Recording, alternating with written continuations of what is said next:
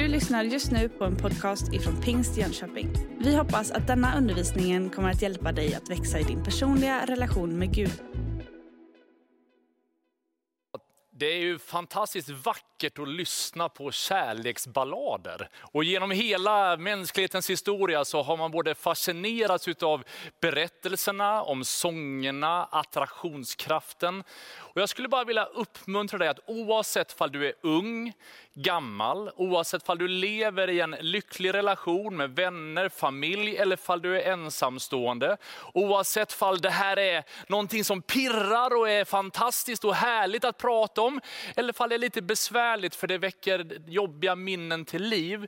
Så hoppas jag att du skulle få i den här gudstjänsten känna dig riktigt innesluten i Guds faders armar. Som oavsett i vilken situation du är i famnar dig och mig.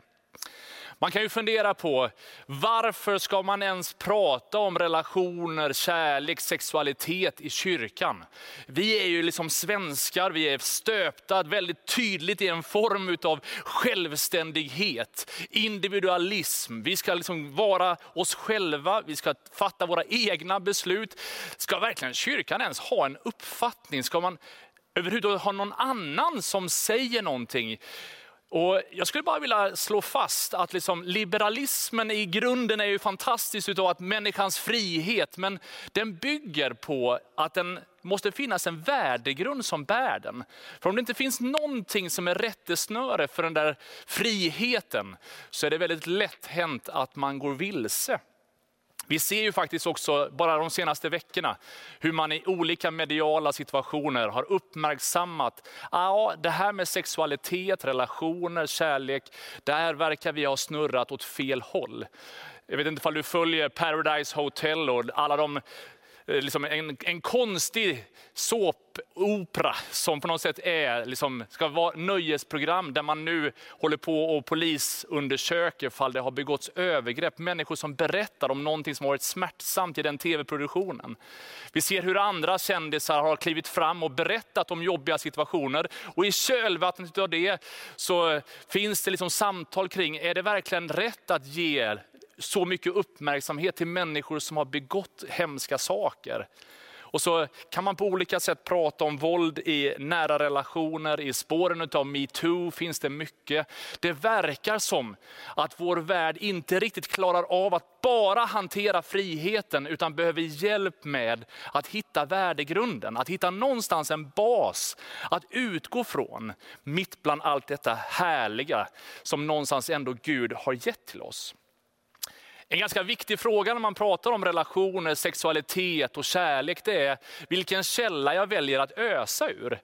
Det kan ju vara så att jag på något sätt låter allt det här bara vara tabu, så att jag på något sätt pratar aldrig om det, utan det blir bara jag och min egna inre tanke som någonstans bearbetar frågorna. Eller så kanske det är att man läser i liksom tidningar, böcker, tittar på tv, och ja, man kan ju ha massa olika källsprång. Och jag skulle bara vilja utmana dig att fundera, vad är det som skapar normen, värdegrunden i ditt liv? Vad är det som du utgår från när du navigerar i relationer och sexualitet och kärlek? Personligen så känner jag att det är så viktigt att ha Gud som mitt centrum. Att han på något sätt får bli själva ursprunget och det som på något sätt håller ihop och någonstans jag tar min utgångspunkt från. Jag tycker det är fantastiskt när jag läser i Bibeln. Jag skulle vilja ta dig med till psalm 19. Psalm 19, vers 8 och några verser framåt. Det är psalmisten som sjunger ut, jag ska inte sjunga även om man är frestad. Eh, men där står det så här. Herrens undervisning är fullkomlig. Den ger nytt liv åt själen. Herrens vittnesbörd är sant. Det ger vishet åt enkla människor. Herrens befallningar är rätta, de ger glädje åt hjärtat. Herrens bud är klart, det ger ljus åt ögonen. Herrens vördnad är ren, den består för evigt. Här har du en lång upprepning på massor med härliga positiva men också väldigt starka bekräftelser och bekännelser till vad Guds ord faktiskt betyder. Att det både är rätt rätt, att det finns en, liksom, en vägledning, att liksom, det är sant. Det är liksom vissa saker som inte är kompromissbara. Samtidigt som det inte är skuldbeläggande, det är inte tungt och hårt, utan det ger glädje, det ger vishet åt enkla människor. Det ger det där som jag behöver och innerst inne törstar efter. Det är därför som det är viktigt att påminna sig om att kristen tro, evangelium, innefattar ett holistiskt perspektiv. Det är både ande, det är själ och kropp. Det påverkar alla olika dimensioner av mitt liv. Det är inte bara så att när jag ber så får jag i mitt inre liksom hjälp att höra Guds röst och så är det bara på ett andligt plan en vägledning. Nej, det har också med mitt kroppsspråk att göra och det påverkar hela min varelse. Och Kanske det är därför som aposteln när han skriver romabrevet säger så här att jag uppmanar er vid Guds barmhärtighet att frambära era kroppar som ett levande och heligt offer som behagar Gud. Er andliga gudstjänst. Och anpassa er inte efter den här världen utan låt er förvandlas genom förnyelsen av ert sinne. Så att ni kan pröva vad som är Guds vilja, det som är gott och fullkomligt och behagar honom. Paulus han adresserar att det handlar inte bara om dina, din muns bekännelse eller att tänka goda tankar, utan med hela din kropp någonstans säga, Gud här är jag, jag vill vara nära dig, jag vill leva mitt liv så gott som jag bara kan så att det behagar dig. Jag upptäckte för någon vecka sedan att mina skor som jag brukar ha på våren och sommaren, de hade jag slängt här innan, liksom när hösten kom, för de hade gjort sina år. Så jag köpte nya, jag vet inte om det syns nu här i bilden, men jag har liksom nya vita fina skor. Och de är ju sådär riktigt skinande vita nu i början. Men det räcker ju med en liten promenad någonstans där jag bor så märker man att ah, men nu börjar den där riktigt skinande vita färgen någonstans börjar tunnas ur. Det börjar bli lite annorlunda och ska inte ha någon följetong med mina skor under några veckor här i kyrkan. Men det är någonting som gör att när det blir lite mer smutsigt så försvinner lite grann av den där glansen och så helt plötsligt så vänjer man sig vid att de ser ut på ett annat sätt. Det kan lätt vara så att vi anpassar oss efter den här världen så att vi inte ens märker att det är någonting som har gått förlorat längs med vägen. Det kanske inte ens, vi reagerar inte ens över en del saker för att vi på något sätt anpassar oss efter fel saker. Och Det är därför som Bibeln uppmuntrar oss att söka Guds hjärta. För Jesus själv säger i bergspredikan att saliga de renhjärtade, de ska se Gud. Det bibelordet handlar inte om att saliga de som gör allting rätt hela tiden, som är så superheliga i sig själva så att de kan göra allting perfekt hela tiden. Nej, det är inte så han säger. Men där hjärtat är rent, där min inställning, min längtan är att Gud, mitt i min brustenhet, mitt i min syndfullhet, mitt i alla svårigheter, mitt i allt det som jag själv väljer eller som på något sätt jag utsätts för, mitt i allt det där som kan vara klurigt, så väljer jag ändå Gud, jag söker ditt hjärta. Det var det som profeten Jesaja fick vara med om. Du kan läsa texten i Jesaja 6. När han tittar in och ser i himlen Gud på sin tron. När han liksom i sin bön får se profetiskt Gud på tronen. Så bara upptäcker han samtidigt, åh jag förgås för jag har orena läppar. Det var inte så att Gud sa, du har orena läppar. Nej, det var mer bara att när han såg ljuset, när han började anpassa sitt liv efter en himmelsk verklighet, så började en del saker upptäckas i hur han talade, vad han sa och vad han använde sin röst till. Som gjorde att han helt plötsligt kände, Gud rena mig.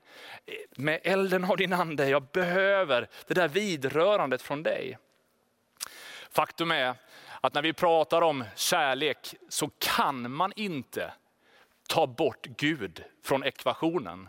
För det är han som är kärlekens källa.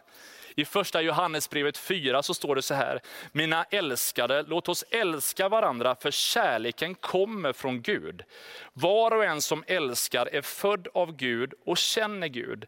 Den som inte älskar har inte lärt känna Gud, för Gud är kärlek. Gud är inte bara kärleksfull, Gud är inte bara så att han ibland visar med sina kärleksgärningar att han är en god Gud. Nej, han är i sitt väsen kärlek. Så varje gång vi älskar så erfar vi en bit av vem Gud är. Vi älskar för kärleken kommer från Gud. Samtidigt så sjunger Höga Visan fast att den här kärleken är så stark och förklarar det som en stark som döden, Kärleken och dess lidelse är obeveklig som dödsrikes. Dess glöd är eldens glöd, en Herrens låga. Väldiga vatten kan inte släcka den och strömmar kan inte dränka den. Det är den där kärlekskällan, den passionerade kärleken, romantiken, sexualiteten. Det är en stark drivkraft i varje människa. Nedlagt från skaparen i skapelsen. Samtidigt så en eld som inte någonstans har några ramar, den blir inte riktigt mysig, utan den tar sig alla möjliga olika uttryck. Och därför så är det inte varken hedersförtryck eller moraliserande när Bibeln sätter upp vissa ramar, utan det är egentligen bara av ren omsorg för dig och mig, att någonstans vårda det fina och låta det få vara fint. Sexualitet är vackert, det är en gåva från Gud. Men djävulen vill gärna förstöra det Gud har skapat och genom att pervertera sexualiteten så kan det bli övergrepp, våldtäkt, porr, det kan bli massa andra saker. Och därför så säger Gud, jag vill att ni ska vårda det, sätta vissa ramar runt det så att det får förbli så vackert så som det är tänkt. Höga visan sjunger ut det här många gånger, att stör inte kärleken, väck den inte förrän den själv vill. Och jag skulle bara vilja uppmuntra dig att det finns saker kopplat kring relationer, sexualitet och kärlek som man behöver vara varse om att i vissa saker ska man ta i ett privat rum. Kanske med en själavårdare, kanske med någon andlig vägledare. På olika sätt någon lite mindre skara av människor där man kan få vara, liksom, verkligen blottlägga sitt innersta tankar och funderingar. Det finns vissa saker som är lite mer personliga som man kan dela med nära vänner och de som står runt omkring en. Och så finns det saker som är publikt, det där som man kan prata om så här i en gudstjänst eller i lite andra situationer. Oavsett vilket så behöver vi både kärlek kärlek och respekt för att någonstans kunna navigera i det landskapet. Lite grann som du hörde i intervjun med Hanna så är ju relationer otroligt härligt. Det är ju fullt av glädje, passion och det är liksom, vi behöver ju det. Oavsett liksom vilken dimension av relation vi har så behöver vi det, vi är skapta för det. Men om vi inte är trygga, hela i oss själva, så kommer det väl lätt bli att vi jagar efter bekräftelse mer än att vi lever i en djup vänskap. Och någonstans så är, behöver du och jag bli trygga i vem vi är, att vi är skapade övermåttan underbart. Läs psalm 139 tills poletten ramlar ner. Gud älskar dig, Gud har en stor plan för ditt liv. Det är lite problematiskt när vi ibland läser Bibeln, för det svenska språket har inte riktigt lika många ord som kanske grekiska eller andra världsspråk som har olika andra översättningar. Vi har en begränsad version av eh, liksom definitioner på just kärleksordet. Eh, men bara helt kort, det är lite skillnad på när Bibeln använder olika begrepp. Ibland är det eros, den här erotiska sexuella relationen, passionerade passionen av liksom någonstans sensualitet. Det, det används i relationen man och kvinna i ett, liksom ett äktenskap. Men det finns också filia som är ett djupt vänskapsband, en förtrolig, liksom, förtroendefull relation som är, där vi svetsat samman och står nära varandra. Vi har en djup gemenskap men det finns inte en romantisk dimension. Men det är en väldig själsfrände i den vänskapen. Och den djupaste formen, agape-kärleken, den som många av oss känner igen i första Korinthierbrevet 13, där Paulus säger att kärleken är tålig och mild, den avundas inte, den är inte stridslysten, den söker inte sitt. Den hela det kapitlet så används den djupaste formen, en kärlek som inte bygger på att jag förväntar mig någonting tillbaka, utan jag söker den egentligen bara för att ge så mycket som möjligt till dig. När Bibeln adresserar sexualiteten så är det inte med lite hysch-hysch och lite så hemligt, utan redan från början slår Bibeln fast att när Gud har skapat människan så säger han, var fruktsamma och föröka er. Och någonstans så ser vi att sexualitetens grund har liksom inte tillkommit, det är inte någon annan som sen hittade på det, utan Gud har lagt ner det i människan och tänkt att man ska leva i det. Och vi ser också i skapelseberättelsens början hur Adam och Eva liksom förs samman. Och Adam som först hade levt själv i paradiset, trots att han var med Gud i en perfekt skapelse, så kände han sig inte komplett. Han behövde en som var hans medhjälpare, en som var hans like. Och så ser vi hur Eva skapas ur ett reben. Inte en fot för att vara under mannen, inte för liksom någonting över huvudet för att vara över henne, utan från ett reben för att stå sida vid sida. Man och kvinna, vi är tänkta för och med varandra. Och kanske är det därför som Paulus slår fast i Efesierbrevet att underordna er varandra i vördnad för Kristus. Och vi skulle kunna prata mycket om manligt och kvinnligt, det kan vi ta vid ett annat tillfälle. Men Paulus han fortsätter att adressera de här frågorna och säger att i första Korinthierbrevet så här att för att undvika sexuella synder så ska varje man ha sin hustru och varje hustru sin man. Det är väldigt tydligt någonstans vart någonstans sexualiteten riktas. Och att någonstans att se till så att det här bevaras heligt och att det får vara till hjälp och stöd för relationerna. Ja, då sätter Bibeln upp några sådana här ramar. Och så fortsätter han i Thessalonikerbrevet att detta är Guds vilja, att ni helgas och att ni avhåller er från sexuell omoral. Att ni var och en vet att finna er en hustru på ett helgat och hedervärt sätt. Det får inte ske lidelser och begär som bland hedningarna som inte känner Gud, så att någon går för långt i denna sak och kränker sin broder. Det verkar angeläget för Gud att inte någon ska bli kränkt, inte någon ska på något sätt bli utnyttjad, utan att det ska få vara sunt och riktigt och att det ska få vara livgivande och någonting som fyller på i våra relationer. Och därför så säger vi att äktenskapet är av Gud instiftat och det är där också som sexualiteten har sin grund. Men precis som Hanna sa i den här intervjun, det är väldigt lätt att adressera det i paradiset och det är lite tuffare för oss. Men likväl så är det det vi läser och det är det vi längtar efter att ännu mer få leva i och gestaltas av. Jag tycker det är fascinerande, utan att ha en biologilektion nu här för mycket, men jag tycker det är fantastiskt fascinerande hur Gud har skapat massa saker i oss som gör så många saker positivt för oss. Eh, när man har sex med någon annan så är det massa olika substanser som frigörs i hjärnan. Till exempel dopamin. Det är en substans som gör att man bara känner att wow, det här skulle jag vilja göra igen.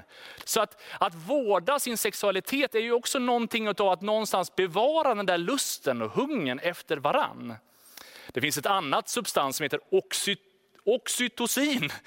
Eh, och det skapar massa emotionella minnen, vilket innebär att alla de som jag har den nära relationen och den intimiteten med, det är liksom, den personen kommer jag få ett särskilt band till och de där minnena kommer sitta lite längre och djupare i mig. Och sen finns det något som heter vasopressin, som är en substans som gör att den som jag har sex med kommer jag få ett ännu starkare lojalitetsband till. Vilket innebär att Gud har, när han sa, var fruktsamma och förökat er, när han ger sexualiteten in i relationen så är det inte bara för att vi ska få fler barn eller att vi ska bara uppfylla jorden, utan det skapar en, en tillfredsställelse i livet, det skapar en längtan och förväntan, men det är också ett bra sätt att bevara relationen, att vara liksom mån om varann tycker det är häftigt vad många olika saker som Gud på något sätt gör samtidigt i det där ögonblicket när han skapar oss. Jag skulle vilja ha en stor varningsskylt nu, för vi ska läsa ett av de mest kraftfulla statements som Jesus säger. Det är inte jag som säger det, är Jesus som säger Vi ska bara läsa till. Men det här utmanar så hårt vår svenska bild av frihet, självständighet, jag ska göra vad jag själv vill, ingen ska ha en uppfattning om vad jag tycker eller inte. Och jag skulle bara vilja liksom ha den där varningstriangeln runt det här bibelordet nu. Och någonstans så tänker du på det vi läste inledningsvis, att Gud vill det bästa för mig och därför så behöver jag lyssna färdigt på vad han säger. Där svarar Jesus på en fråga om äktenskapsbrott och han säger så här. Den som ser med begär på en kvinna har redan begått äktenskapsbrott med henne i sitt hjärta. Om ditt högra öga förleder dig till synd, så riv ut det och kasta det ifrån dig. Det är bättre för dig att en del av din kropp går förlorad än att hela din kropp kastas i henne. Och om din högra hand förleder dig till synd, så hugg av den och kasta den ifrån dig. Det är bättre för dig att en del av din kropp går förlorad än att hela din kropp hamnar i Gehenna. Det är ju en enorm liksom så här, ingen pardon i den här bibeltexten överhuvudtaget. Det Jesus är ute efter, det är att någonstans se till, vårda, vaka över vad du ser, vad du gör.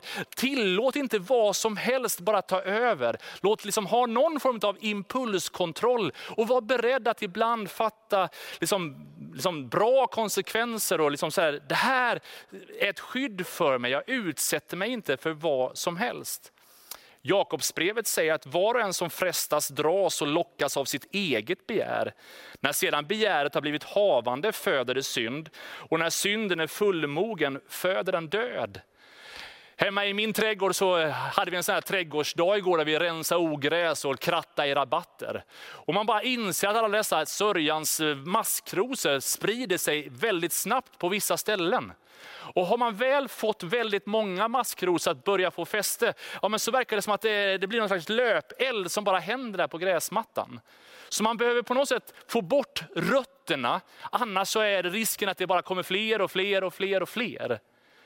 Men det jag också har märkt är att om jag gödslar, om jag vattnar, om jag ser till så att pH-värdena på något sätt är i rätt balans, om liksom syrehalten är i rätt ordning i marken, så behöver jag inte ens hålla på och rensa ogräs. De kommer att någonstans inte ha plats där i gräsmattan.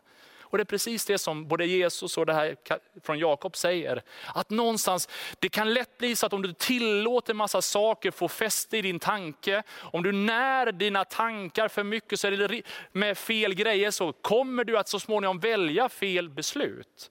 Och därför så behöver du och jag tänka att Guds frid som övergår allt förstånd kan bevara våra hjärtan och våra tankar i Kristus Jesus.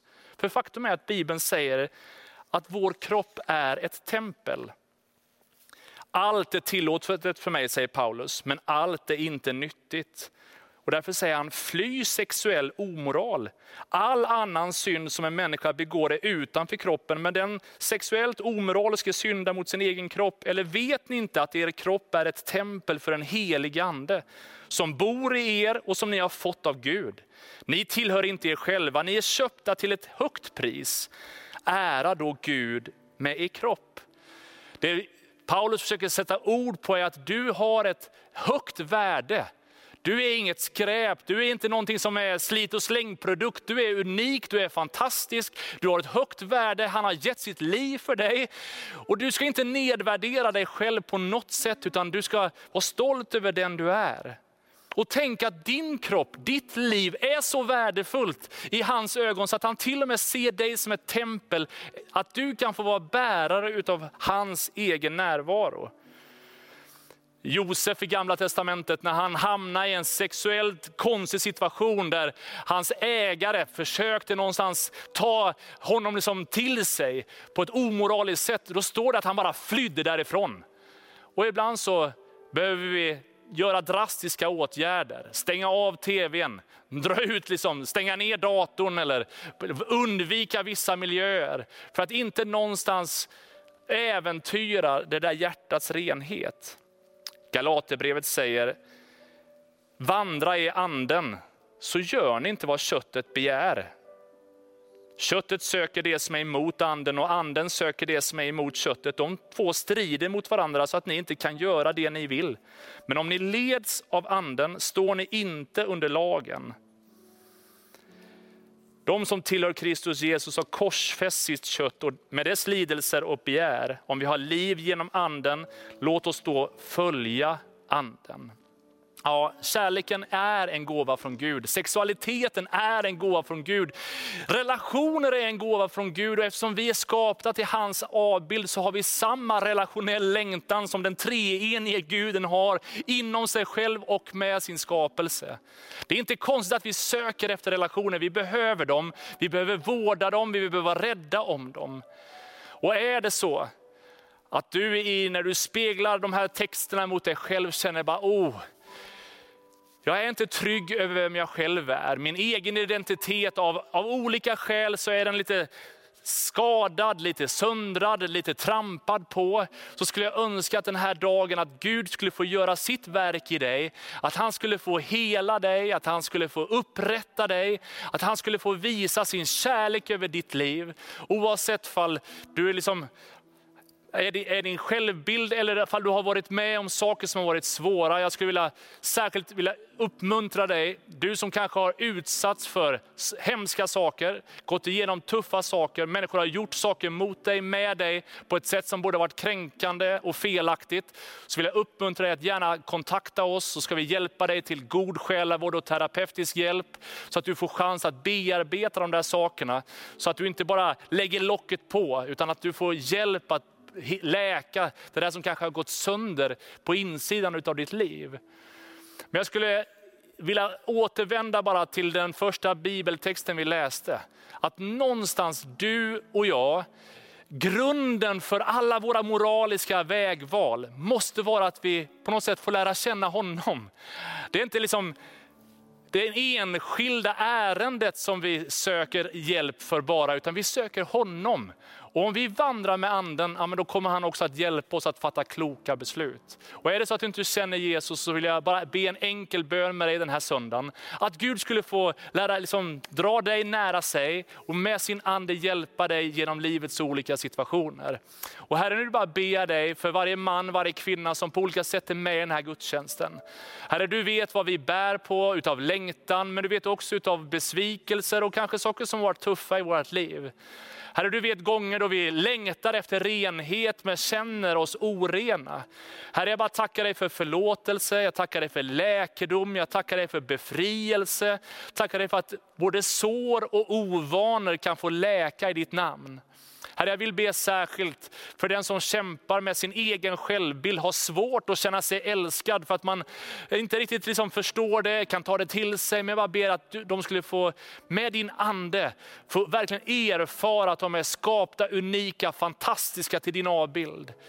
Och Herre, jag vill be dig att de människor som inte känner dig, den här dagen skulle få säga sitt ja till dig och att du skulle dra oss nära dig. Tack för att du vänder ditt ansikte, inte bort från oss, utan du vänder alltid ditt ansikte till oss. Tack för den där ansiktens etik som möter upp oss precis där vi är. Och jag bara ber dig Gud, att du skulle låta oss få vara nära dig och stråla oss i ditt ansiktes ljus. I Jesu namn vi ber. Amen. Du har just lyssnat på en podcast ifrån Pingst Jönköping. För att få reda på mer om vilka vi är och vad som händer i vår kyrka så kan du gå in på pingstjonkoping.se eller följa oss på sociala medier via pingstjkpg.